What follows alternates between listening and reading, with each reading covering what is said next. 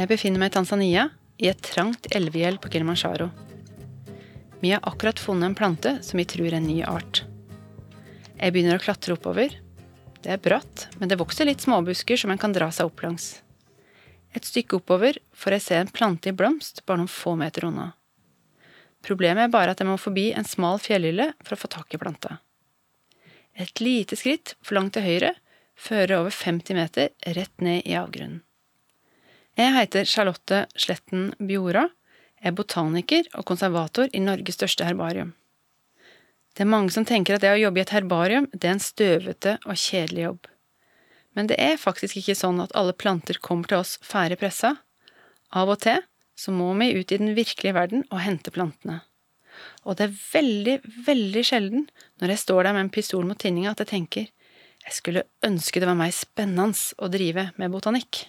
Emaweni wibaba silale maweni wibaba silale maweni wibaba silale maweni baba silale maweni we baba silale maweni wibaba silale maweni wibaba silale maweni sila. silale maweni baba silale mawe ye baba silale mawe sing. Homeless homeless.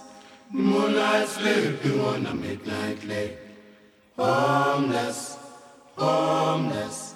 The moonlight sleeping on a midnight lake. And we are homeless we are homeless moonlight sleeping on a midnight lake. And we are homeless, homeless, homeless. Boom, boom. Moonlight sleeping on a midnight lake. See you, ya, see you, ya, see you, ya. Siyoya amakhaza sengilele mina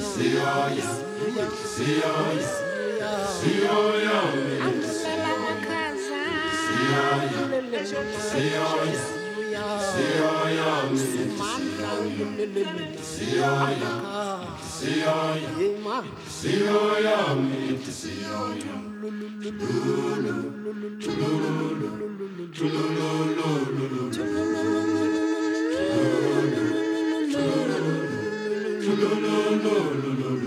Strong wind, strong, wind, strong winds. Many dead tonight, you could be you. Strong wind, strong wind. Many dead tonight could be you. And we are homeless, homeless, homeless. Boom, boom. In moonlight sleeping we the midnight And we are homeless, homeless, homeless. Boom, boom. In moonlight sleeping on the midnight lake. Homeless, homeless. In moonlight sleeping on the midnight lake. Somebody say. Eh, eh, eh. Somebody sing hello, hello, hello. Somebody say. Somebody cry why, why, why. Somebody say. Somebody sing hello, hello, hello. Somebody say. Somebody cry why, why, why. Somebody say. Hit your man up. Hit your man up. Yes, I know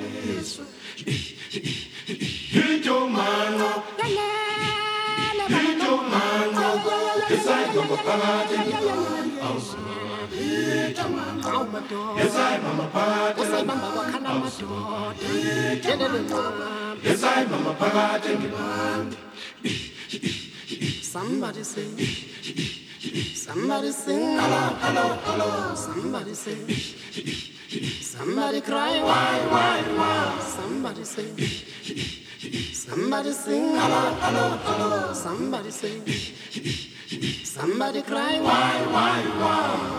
Kulumani, kulumani, kulumani sizwe. Singanze njani? Bayajabula basithanda.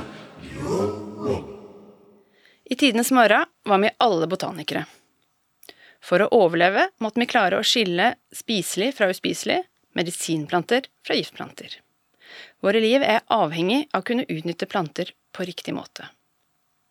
Og vi må ha navn for å kommunisere denne kunnskapen. I 1753 beskrev Carl von Linné den beste måten å navngi planter på. Og siden den gang har biologer fulgt hans oppskrift på å gi organismer vitenskapelige navn. Men hvorfor er det så viktig å få et navn? Uten navn så har vi ingen verktøy. Hvis en art ikke har et navn, kan ikke regnes med. Ifølge Verdens naturvernunion er 21% av verdens kjente plantearter trua av utryddelse. Hvor mange av de ukjente planteartene som er trua, det er det naturlig nok ingen som vet. Men klimaendringer og ødeleggelse av plantenes leveområder det gjør at det haster med å få navn på de ukjente plantene, før de rekker å forsvinne. Et herbarium det er en samling av pressa og tørka planter. Det er mange som tenker at det er noe umoderne over herbarier. Men DNA-teknologi og ulike typer kjemiske analyser gjør at vi kan bruke samlingene våre til å svare på flere og flere spørsmål. Å ha en samling med lange tidsserier det er som å ha en egen tidsmaskin. Vi kan reise tilbake i tid og se f.eks. når starta blomstringa for 200 år sia. Slik kan vi se at vekstsesongen den er blitt utvida som respons på høyere temperaturer. På Riksmuseet i Stockholm har de påvist økt blykonsentrasjon i fugleskinn fra 1940- og 50-tallet som et resultat av industrialiseringa. Det var selvfølgelig ingen av samlerne som tenkte på at det de samla inn skulle brukes i klimaforskning eller for å studere tungmetallinnhold. Men det er akkurat det som er så genialt med samlinger som har lange tidsserier du kan teste i retrospekt. De viktigste spørsmåla, det er morgendagens spørsmål. De vi ennå ikke kjenner. Det fins så masse du kan klistre inn med lim i boken din og ha til siden. Alt kan limes inn i boken din hvis du er flittig og har godt humør. Humør. Kyr og lærerinner kan du lime inn. Flodhester, skinkesteker, koks og pinnsvin. Roser, løvetann, en sinna mann. Hvis du er sterk og du har godt humør.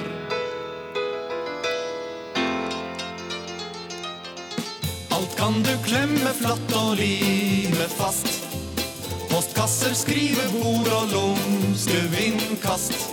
Og en vakker vår om mange år kan du bla i boken din og kose deg.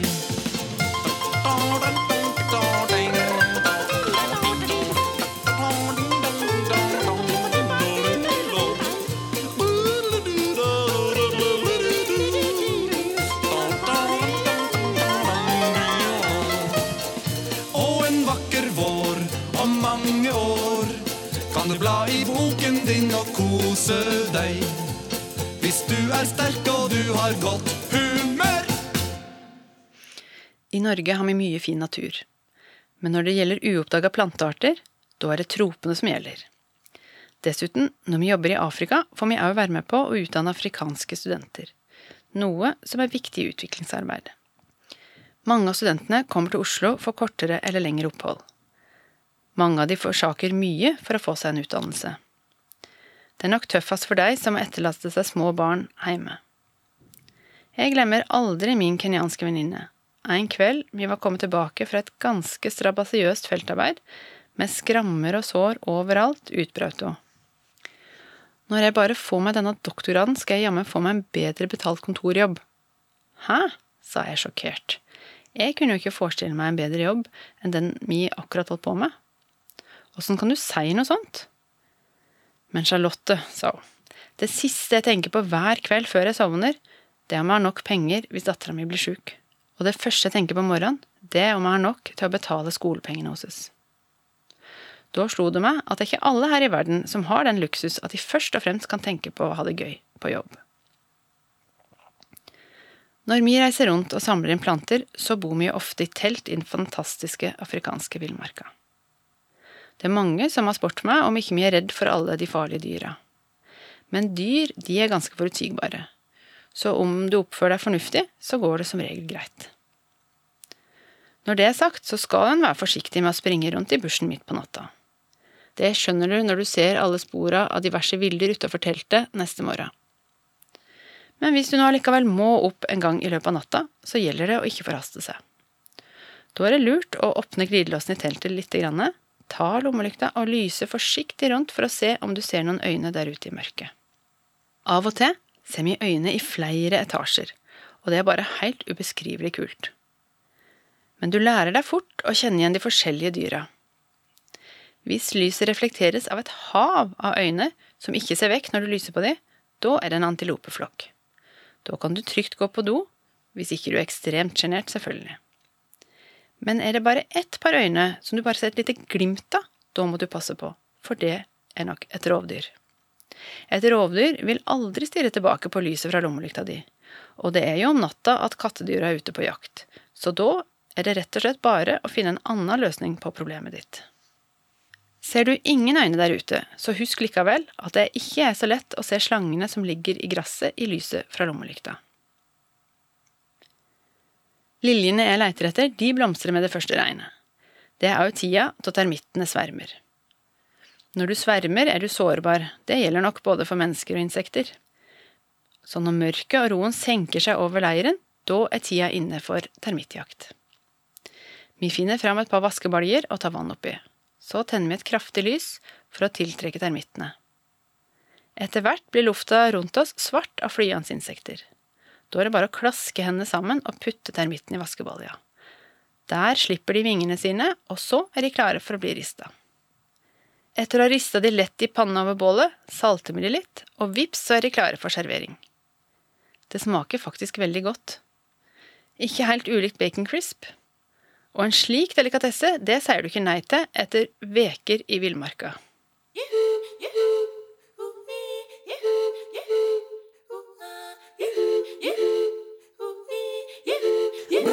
Cat cat cat kadon. Brrla cat cat cat kadon. Brrla cat cat cat kadon. Brrla cat cat cat kadon. J'examine et je fulmine. Moi la carabine, ça me dit. Mais vous, je vous ai là, ma poitrine, je m'incline. Je vous fais signe. Brrla cat cat cat kedong. Brrla cat cat cat kedi. Brrla cat cat cat kedong. Brrla cat cat cat. Kupone sama pendo. Inani saidia, inani saidia. Inatu saidia bataton, batoton, batoton. Cat cat cat kedong. Brrla cat cat cat kedong. Brrla cat cat cat kedi. Brrla cat cat cat kedi.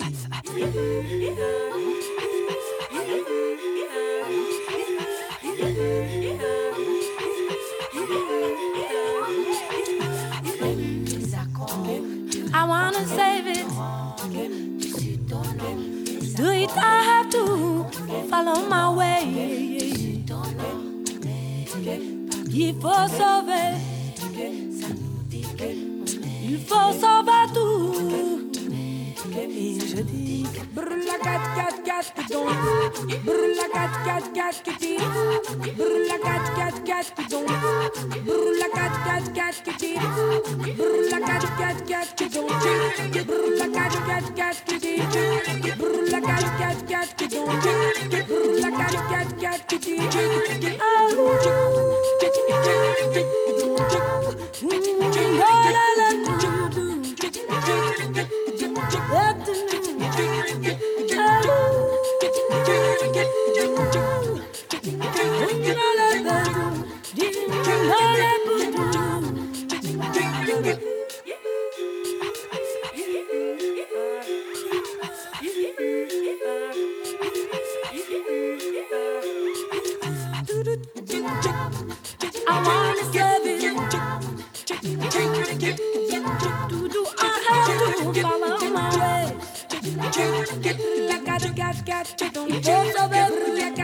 cash cash to DJ brilla cash cash cash to DJ brilla cash cash cash to DJ brilla cash cash cash to DJ brilla cash cash cash to DJ brilla cash cash cash to DJ brilla cash cash cash to DJ brilla cash cash cash to DJ brilla cash cash cash to DJ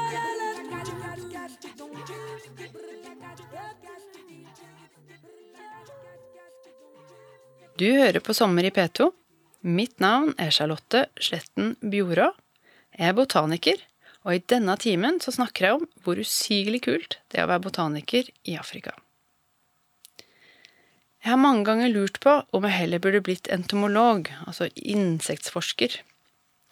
Da tror jeg livet hadde vært så mye enklere. Jeg kunne bare tatt soveposen min om morgenen, vrengt den, og vips ville dagens innsamlinger være unnagjort. Jeg ville hatt et vell av insekter som jeg kunne studere av hjertens lyst. Og jeg hadde sluppet å risikere liv og lemmer for å klatre etter vanskelig tilgjengelige planter i alskens skrenter og fjellsider. Det fins fantastisk mange spennende insekter, men òg en del som er mindre sjarmerende. En natt vi telta i den vakre Luangwa-dalen i Sørøst-Zambia, våkna jeg at det svidde så fryktelig på hånda, akkurat som et brannsår. Jeg våkna seinere på natta, og da gjorde det vondt på brystet og magen. Og litt seinere gjorde det jammen vondt på låret og leggen òg. Men jeg kunne umulig ha greid å brenne meg på hele kroppen. Når vi satt og nippa til teen rundt leirbålet neste morgen, skildra jeg nattens opplevelser for mine zambiske kolleger.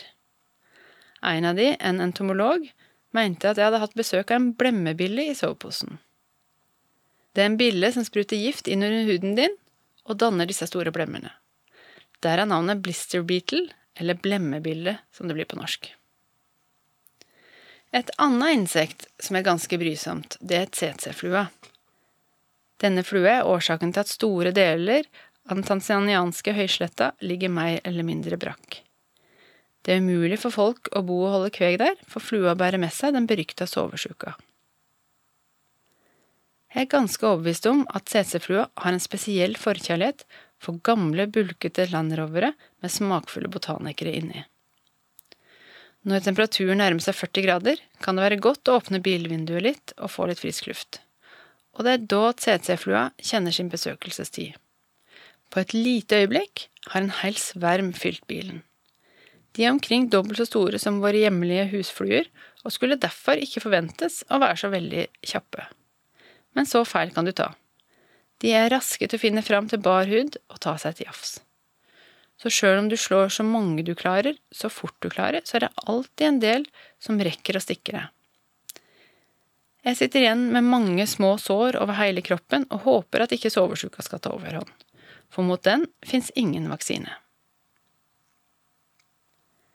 Jevnt over så gjør jo insektene mer gagn enn skade. Noen ganger er det bare lokaliseringa det er noe galt med. Som en kveld på Kilimanjaro. Jeg var helt utslitt av å springe opp og ned fjellsida for å samle planter, og orka nesten ikke stå på beina. Hvor usigelig godt var det ikke da å krype ned i soveposen. I hvert fall i to sekunder. Så fant jeg krefter jeg ikke ante jeg hadde, og satte ny rekord i å komme meg ut av soveposen og ut av teltet. Det stakk og svidde overalt. Jeg var blitt offer for en maurinvasjon. Kunne ikke de udyra vært greie nok og bitt meg diskré i tåa da jeg stakk den inn i soveposen? Men nei da. De venta til jeg lå godt ned i soveposen, og så, som på signal, gikk alle løs på meg på en gang. Og som de kunne bite. Jeg tror bevegelsene mine så mest ut som en krigsdans. Jeg holdt på å legge på sprang mot bekken, men stoppa når jeg kom på de store slangene vi hadde sett i gresset litt tidligere på dagen. Springer du haulaus rundt i bushen om natta, kan maur fort bli det minste problemet ditt. Oppi trærne holdt noen apekatter et sinnssvakt leven når jeg hoppa rundt under de. Jeg er helt sikker på at de skrattlo. En gang var det insekter som gjorde at jeg trodde min aller siste time var kommet. Mange av plantene jeg samler, liker å henge utover fjellskrenter langt utafor allfarvei. Men når du har reist rundt halve jordkloden for å finne akkurat denne planten, så må du som regel prøve å klatre de siste 150 meterne òg, sjøl om det er rett opp en fjellvegg. Det går jo som regel bra, men jeg må innrømme at jeg har vært nære på noen ganger. Som den gangen i Tanzania, i det trange elvegjeldet på Kilimanjaro, som jeg fortalte om i begynnelsen av programmet. Vi hadde funnet en aloe som jeg trodde var en ny art, og det er jo litt ekstra spennende. For å nå den måtte jeg passere en fjellhylle der det var godt over 50 meter rett ned i avgrunnen. Jeg kom meg greit forbi fjellhylla, tok et par steg opp, og der lyste planten imot meg. Men idet jeg strakk ut hånda for å knekke av en bit av planta, stirra jeg rett inn i et stort vepsebol. Hvem som ble mest overraska, vepsa eller meg, det er ikke godt å si. Jeg ble i hvert fall den reddeste. Jeg har mange ganger vært i felt der de lokale guidene er mer redd for veps enn for de giftige slangene, for veps de kan være ganske aggressive. Det var disse her òg. Det var vel en grunn til at de hadde bygd bolet sitt på en stad som dette, som i teorien ikke skulle vært tilgjengelig for normale folk. Jeg huka meg raskt ned, eneste retrettmulighet var tilbake forbi den smale fjellhylla. Jeg sa til meg sjøl, bare la de stikke, bare la de stikke, det viktigste var å beholde roen så jeg skulle greie å holde balansen tilbake over fjellhylla. Ellers så hadde jeg nok plukka min siste blomst. Jeg kom meg forbi fjellhylla. Vepsa stakk heldigvis bare på ryggen. Jeg var mest redd for ansiktet og øynene, og håret tok nok av for det verste. Fjellskrenten virka enda brattere nå som jeg skulle ned. Jeg ville helst ned så fort som mulig. Jeg sklei og datt og skrapte meg opp til blods. Så jeg var et heller begredelig syn da jeg sto ned i bånden av elvegjeldet igjen. Jeg var sliten, skremt, men tross alt en fantastisk aloe rikere.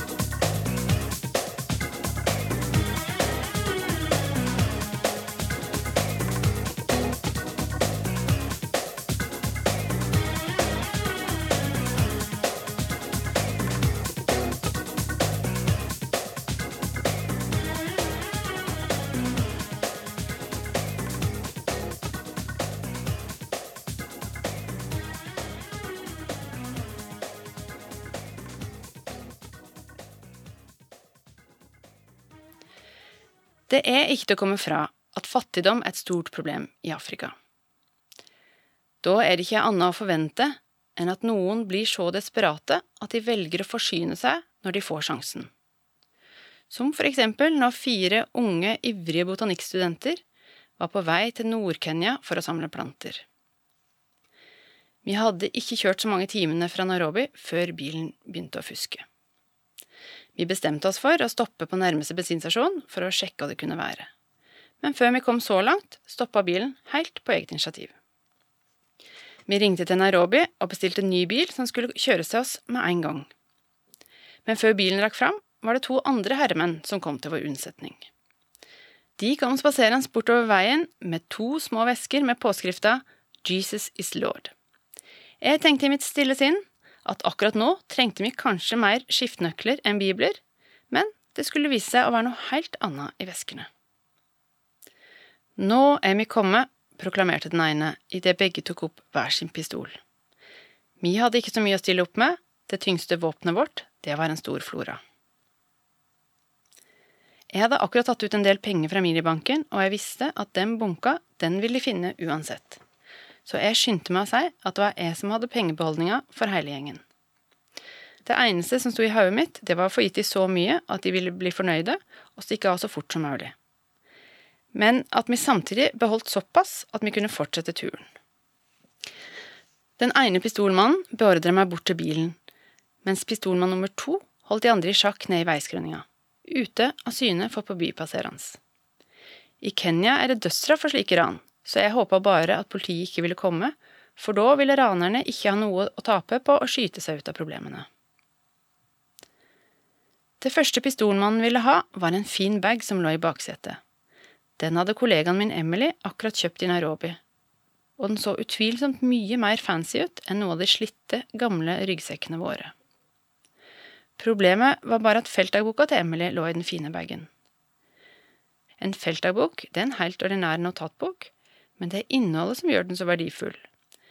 Der skriver vi ned alle detaljer om planteprøven vi har samla inn. Mister en den, er praktisk talt de siste måneders feltarbeid bortkasta, for da har du mista all sikker informasjon om hvilke planter som er samla hvor.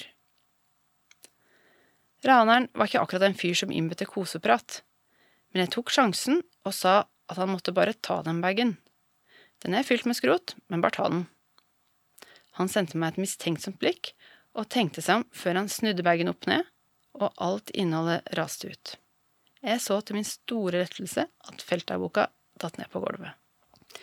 Da det hele var over, sa jeg til Emily, dette er siste gangen jeg risikerer livet mitt for feltdagboka di. Vi mista en del verdisaker, men vi greide å lure unna det vi trengte for å kunne fortsette feltarbeidet. Og med en ny bil kunne vi fortsette ferden mot Urkana neste dag. Turkana er ikke et område du tilfeldigvis stikker innom. Det ligger i Nord-Kenya, et par dagsreiser fra Nairobi, og grenser mot Sudan og Uganda. Det har lenge vært et urolig område, for det er mye væpna konflikter langs disse grensene. Der, på tre grader nord, går temperaturen sjelden under 25 grader, verken dag eller natt. Når det heller ikke regner noe særlig, sier det seg sjøl at dette her er et tøft og tørt område å leve i. En morgen mens vi var ute og samla planter, kom to unge kvinner løpende mot oss med hvert sitt barn i armene. En trengte ikke å være lege for å se at her var det noe alvorlig galt. Ungene virka helt livløse. Vi heiv oss inn i bilen og kjørte som gale til det nærmeste sykehuset. Begge barna fikk raskt diagnosen malaria, men for den minste babyen var det for seint. Hun ville dessverre ikke overleve med de tilgjengelige behandlingene. Vi var unge og naive og kunne bare ikke tro det. Det må jo være noe dere kan gjøre, mente vi. Sykepleieren svarte overbærende jau da, det fins behandling, men det er dessverre altfor dyrt, og vi har ikke midler. Kollegaen min Jørn og jeg veksla blikk. Vi trengte ikke si noe, begge tenkte samme tanken. Dette skal vi greie, koste og det koste vil. Vi spurte om behandlinga ville koste, og fikk høre at det ville komme på den enorme sum av 3 kroner og 50 øre. Vi visste ikke om vi skulle le eller grine. Le fordi vi hadde råd til å redde babyen, eller grine fordi at altfor mange babyer i fattige områder dør fordi at ingen tilfeldigvis har råd til å spandere 3 kroner og 50 øre.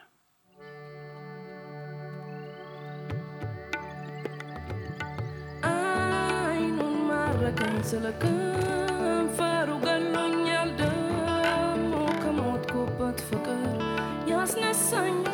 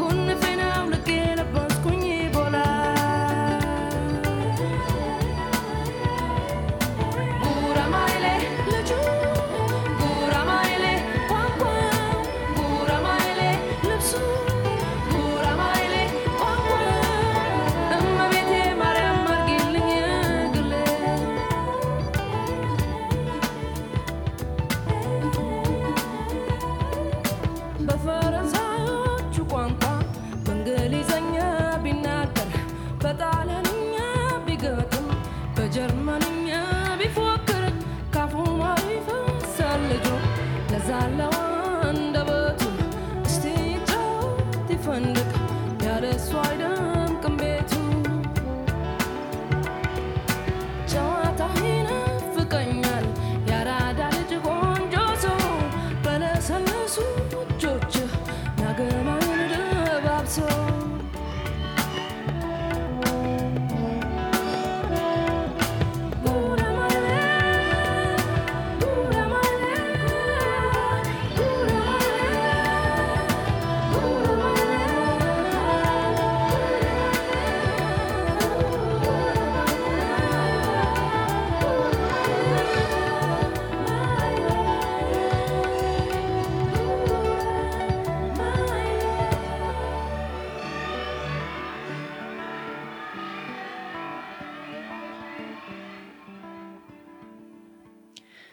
hører på Sommer i P2. Mitt navn er Charlotte Sletten Bjora. Jeg er botaniker, og i denne timen snakker jeg om verdens kuleste jobb å være botaniker på tur i Afrika. Noen ganger kan det by på ekstra utfordringer å være dame på tur. Ofte er det helt trivielle utfordringer. Som den gangen Noen medstudenter og jeg skulle opp på Mount Kenya, og jeg til min fortvilelse merka at menstruasjonen meldte sin altfor tidlige ankomst. Det var ikke spesielt velkomment da jeg var på vei opp fjellet uten de absolutte nødvendige remedier for denne tilstanden. Jeg funderte litt på hva jeg skulle gjøre. Så kom jeg på at de filthåra bladene til kjempesvineblommen ville gjøre susen. Jeg var så fornøyd med min egen idé at jeg sporenstreks gikk og plukka noen blader. Men da jeg gikk bak en busk for å legge bladet i åndebuksa, slo en tanke ned i meg. Dette lodne, filtaktige, myke bladet er kanskje nyttig for andre enn meg. Og så tok jeg håndlupa, som en feltbotaniker heldigvis alltid er utstyrt med, og tok en nærmere kikk. Og for et yrende liv! Det kravla og kraup av små insekter overalt. Så den glitrende ideen om botanisk truseinnlegg, den blei forkasta før den var uttesta. Men det er ikke bare på fjelltur at menstruasjonen kan gi deg problemer. En kollega av meg, hvis navn skal være unevnt, var på feltarbeid i regnskauen. Hun innså plutselig at en hel koloni med blodigler var på vei opp beina hennes. Hun fikk panikk, dro ned buksene og prøvde å børste av seg de ubedte gjestene. Det som var litt uheldig, var at hun hadde med en feltassistent som var strengt religiøs, og som på ingen måte satte pris på så sterke scener. Han forsvant og dukka aldri opp igjen men heldigvis for min kollega så klarte hun å finne veien hjem på egen hånd. En annen gang opplevde jeg ulempa med å være kvinne på en måte jeg aldri hadde forestilt meg på forhånd. Vi var i gang med en etnobotanisk undersøkelse der vi spurte folk åssen de brukte de forskjellige artene av aloe. Alle har hørt om aloe vera, men det er ikke alle som vet at det fins over 500 andre aloearter. Noen aloer de er store som trær, noen er små, noen kan du lage øl av, noen er giftige, og ganske mange brukes kosmetisk og medisinsk. På slik type arbeid er jeg helt avhengig av å jobbe sammen med noen som kan det lokale språket. Denne gangen hadde jeg fått med meg en kollega, Mathias, som jobber ved East African Herbarium i Nairobi. Planen var å snakke med en urtekyndig som brukte aloer som medisin. Vi var veldig fornøyd når vi fant han hjemme. Jau da, han hadde tid til å snakke med oss. Vi måtte bare vente litt i det han kalte for konsultasjonsrommet. Han åpna en dør og sendte oss inn i et lite, mørkt rom med en benk vi kunne sitte på. Vi satte oss ned, og etter hvert, når øynene hadde vent seg til mørket, så fikk jeg meg litt av en overraskelse. Rommet var fullt av kar og krukker med et innhold som jeg bare kunne gjette på. På veggene hang det skinnposer med tørka fuglebein, knokler og fjær. Og så var det alle slangene. De var overalt. Jeg tror de fleste var tørka, men jammen så var det ikke så lett å si der i halvmørket. Mi var uten tvil i hendene på en vassekte heksedoktor. Plutselig ble det helt mørkt. Heksedoktoren sto i døra, og ikke noe lys slapp inn. Så satte han seg ned rett overfor oss og fortalte at han hadde sett oss kjøre ut på morgenen. Han visste at det var til ham vi skulle, så han holdt seg hjemme og venta på oss. Nå var han rede til å hjelpe oss med våre problemer. Så fulgte det en ganske lang samtale på Akamba som jeg forsto lite av. Medisinmannen reiste seg brått, og jeg lurte på om visitten alt var over. Jeg så spørrende bort på Mathias. Nei, nå skal vi ut i aloehagen hans, forklarte han. Da vi gikk til bilen, lurte jeg på hva de hadde diskutert så veldig ivrig. Mathias ble litt rar i fjeset og hviska til meg at heksedoktoren trodde at jeg var den hvite kona hans som trengte å afrikaniseres. Han hadde hatt et svare strev med å overbevise heksedoktoren om at vi bare var to troskyldige botanikere på jobb. Så kjørte vi av gårde til innhegninga med aloer. Trollmannen vår var bevæpna med en stor sprettert, og jeg lurte på hva han trengte den til. Jau, det krydde av giftige slanger her, svarte han. Mens vi gikk innimellom aloeplantene, ropte medisinmannen noe på Akamba og greip fatt i meg. Jeg satt som i en skruestikke. Kollegaen min stirra på meg med store øyne, og jeg skjønte at det var en slange rett i nærheten. Jeg visste bare ikke om den var i treet over meg, bak meg eller hvor den var. Så førte han meg langsomt bort til bilen, men når vi var framme, erklærte han Bees, because of your perfume. Det hadde vi samla seg en sky av illsinte bier over oss. Vi tok prøven vi trengte, og så bar det tilbake til konsultasjonsrommet igjen. Etter en lengre samtale kunne vi gå. Jeg la plutselig merke til at kollegaen min var helt gjennomsvett fra topp til tå. Denne samtalen hadde nok tatt mer på enn jeg forsto. Idet vi skulle gå, fikk Mathias en liten boks, og så spytta heksedoktoren i hendene og holdt håndflatene mot oss. Var dette en forbannelse eller en vennligsinnet avskjed, lurte jeg på. Trygt tilbake i bilen flirte Mathias letta. He really wanted to scare you until he realized that you were not so easily frightened. Men, for å si som sant var, jeg var ikke spesielt modig, jeg var bare forferdelig nysgjerrig og følte at det var som å være med i en film. Men nå vil jeg vite hva Mathias hadde fått fra heksedoktoren. Igjen ble han rar i fjeset og sa at det var egentlig en hemmelighet. Jeg la ansiktet i alvorlige folder og erklærte This is science where secrecy has no place. Vi driver jo ikke med tulleforskning heller. Da fikk jeg vite at heksedoktoren fremdeles ikke trodde på oss, og at Mathias derfor hadde fått et vidundermiddel som han skulle helle i drikken min, og som visstnok skulle gjøre meg helt viljeløs.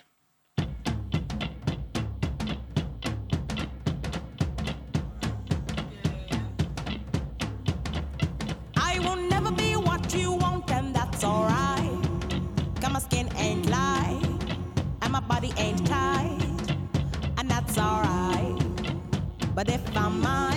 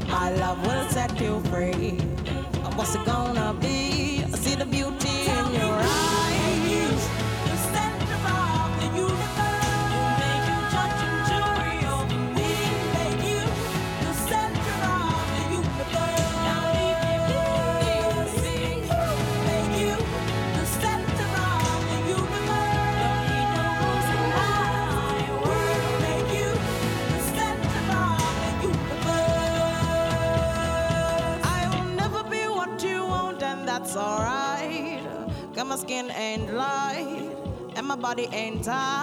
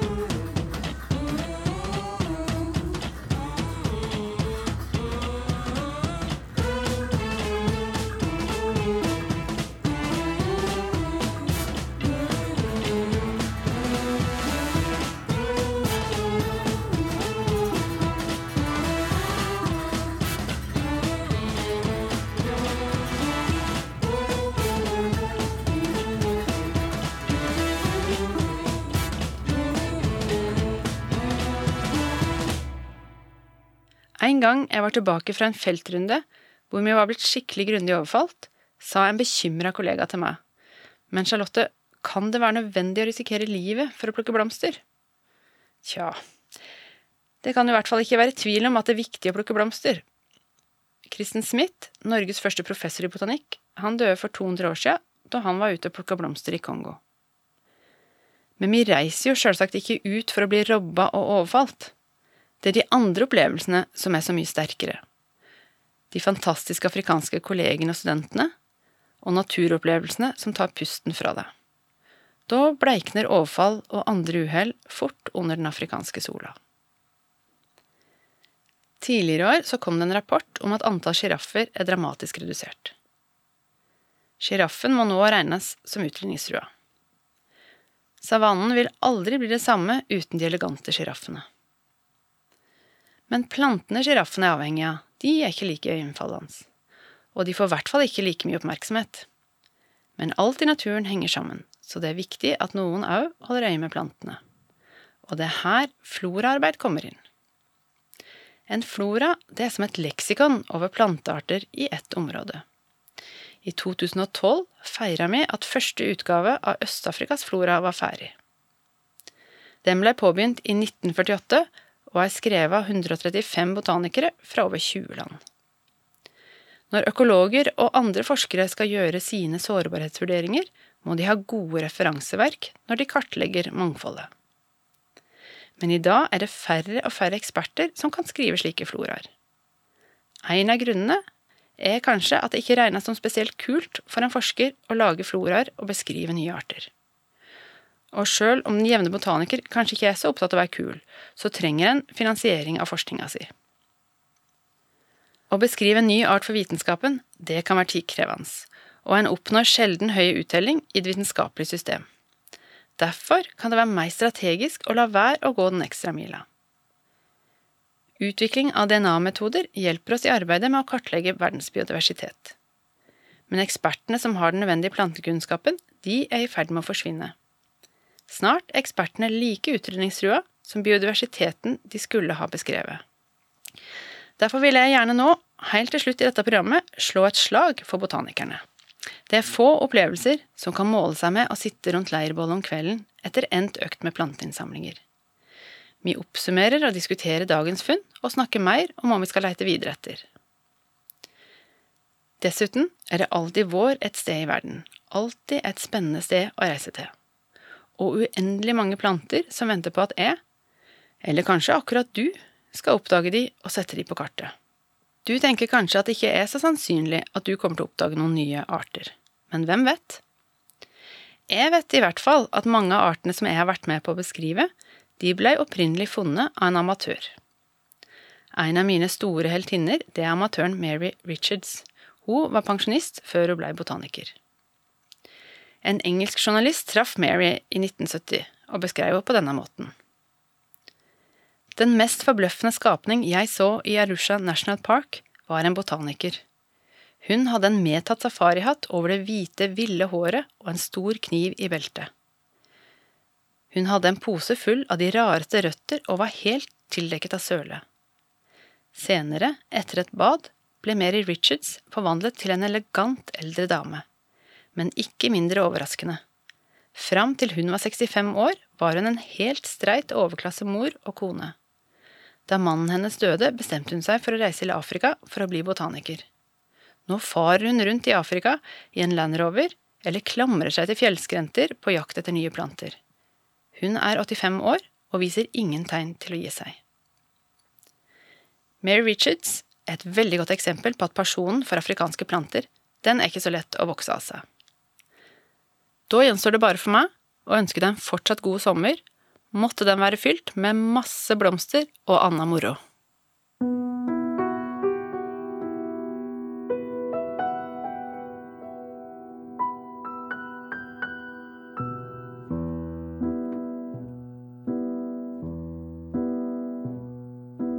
Kom og lytt til lyset når det gryr av dag.